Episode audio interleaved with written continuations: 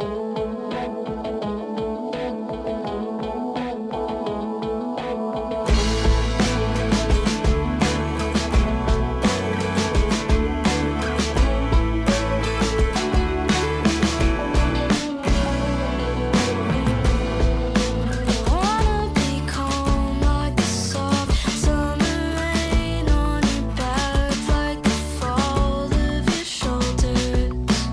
Od mikrofonu vás zdraví Kuba Kajfoš, se mnou ve studiu také Judita Císařová, ahoj. Ahoj. A my se jdeme jako již tradičně podívat na zoubek aktuální desce týdne eh, a to je tento týden novinka od písničkářky, která si říká Soccer Mommy.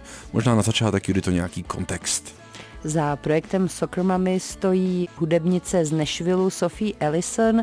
Vyloupla se v druhé polovině minulé dekády společně s dalšími písničkářkami, zmíním například Vagabond, Mitski nebo Snail Mail, se kterou jsou si také věkově nejblíž. A začínalo to vlastně jako takový ten klasický bedroom pop projekt, kdy eh, Sophie Ellison nahrávala první skladby vlastně u sebe v pokoji a rovnou to všechno sypala na Bandcamp, tam na sebe poprvé upozornila a před dvěma lety přišla se svojí debitovou nahrávkou studiovou Clean. A vlastně ono je i docela zajímavé, když se člověk podívá na to, jakým způsobem se třeba ty další písničkářky, které jsem zmínila, které začínaly podobně jako ona, buď v pokoji nebo někde v nějaké malé zkušebně a nahrávali pouze s kytarou své věci, tak spousta z nich se třeba v pozdější době nebo na druhém či už třetím albu dost často odklonili například k elektronické hudbě, což se například Soccer nestalo. To se té kytary, eh, které se chopila na Clean, stále drží i na Color Theory.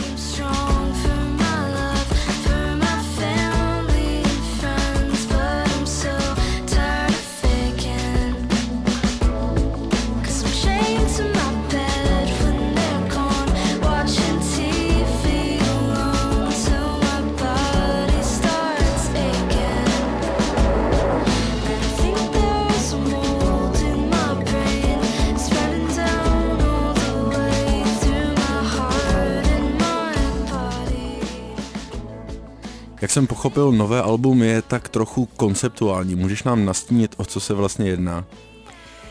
Jak už eh, trošku uvádí ten název Color Theory, tak Sophie Ellison vlastně veškeré skladby, které jsou na její aktuální nahrávce, rozřadila do takových uh, třech kategorií. Každou tu kategorii označuje jedna barva, která tematicky odpovídá tomu, o čem ty skladby jsou a jde to tak postupně jako takový, já bych ráda řekla gradient, ale bohužel to gradient není, protože začínáme u modré barvy, která uh, symbolizuje deprese a jakýsi smutek. Sama Ellison o tom hovoří, že je to sice tak na snadě označit eh, právě depresivní a nějaké bezútěšné stavy mysli modrou barvou, zároveň ona velmi často operuje s eh, metaforami, které využívají vodu nebo různé vodní plochy, takže ta modrá je vlastně i celkem logická v rámci toho, jaké používá ty lirické obrazy.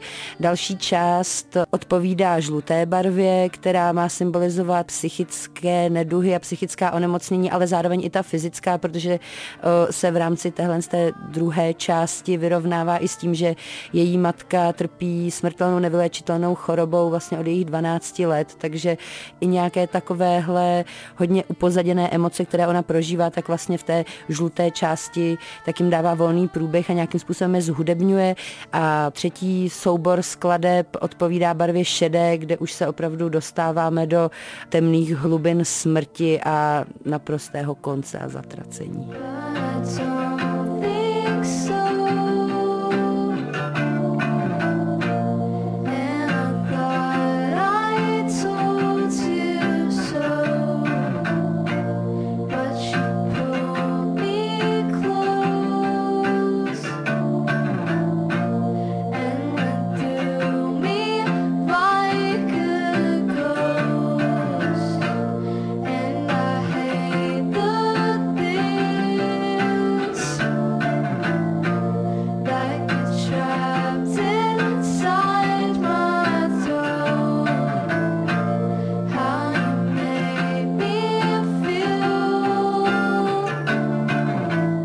Zní všechno věru optimisticky, taková správná deska na nástup jara. Jak by si to všechno nějak na závěr zhodnotila? Jak to funguje, ta nová deska Soccer Mommy? Hlavní věc, kterou bych vytkla hned na začátku, je to, že sice album jako takové funguje velmi dobře dohromady.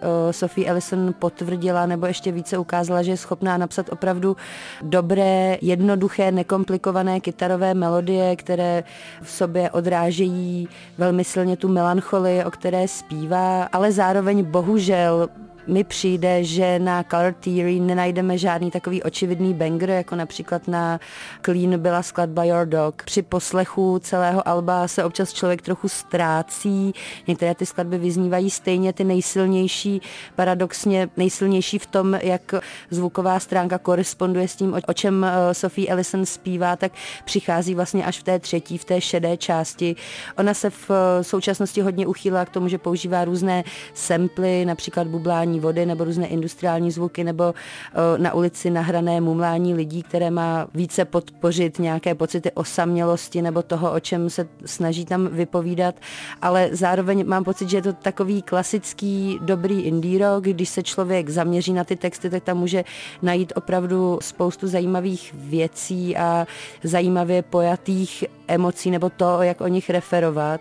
Ale v jejím kontextu to není žádná významná deska, spíš nám ukázala nám ten pravý potenciál toho, jak je schopná jasně formulovat to, o čem zpívá a myslím si, že se můžeme těšit ještě toho, že začne pokrývat nějaká drsnější témata, protože vlastně, když se na to podíváme na klín, to byl jenom nějaký smutek a zlomená srdce, ale tady po dvou letech už se na ní podepsalo i to, že hodně jezdila turné, předskakovala například Vampire Weekend nebo Casey Musgraves a tak podobně, takže i to, jak mladého člověka může drtit ta sláva v zároveň i v boji s nějakými vlastními vnitřními démony, tak tady je to zatím tak naťuknuto a myslím si, že se ještě dočkáme hodně temných desek od Sokrmami. Nebo já bych vlastně byla i docela ráda, protože, eh, jak jsem říkala, ta šedá část jejího alba mi přijde teďka po prvních pěti posleších desky ta nejsilnější. A pokud se nemýlim, tak my si z ní teď pustíme ochutnávku. Tady je tedy Soccer Mommy s trackem Lucy. Díky moc, Judito. Taky díky, ahoj.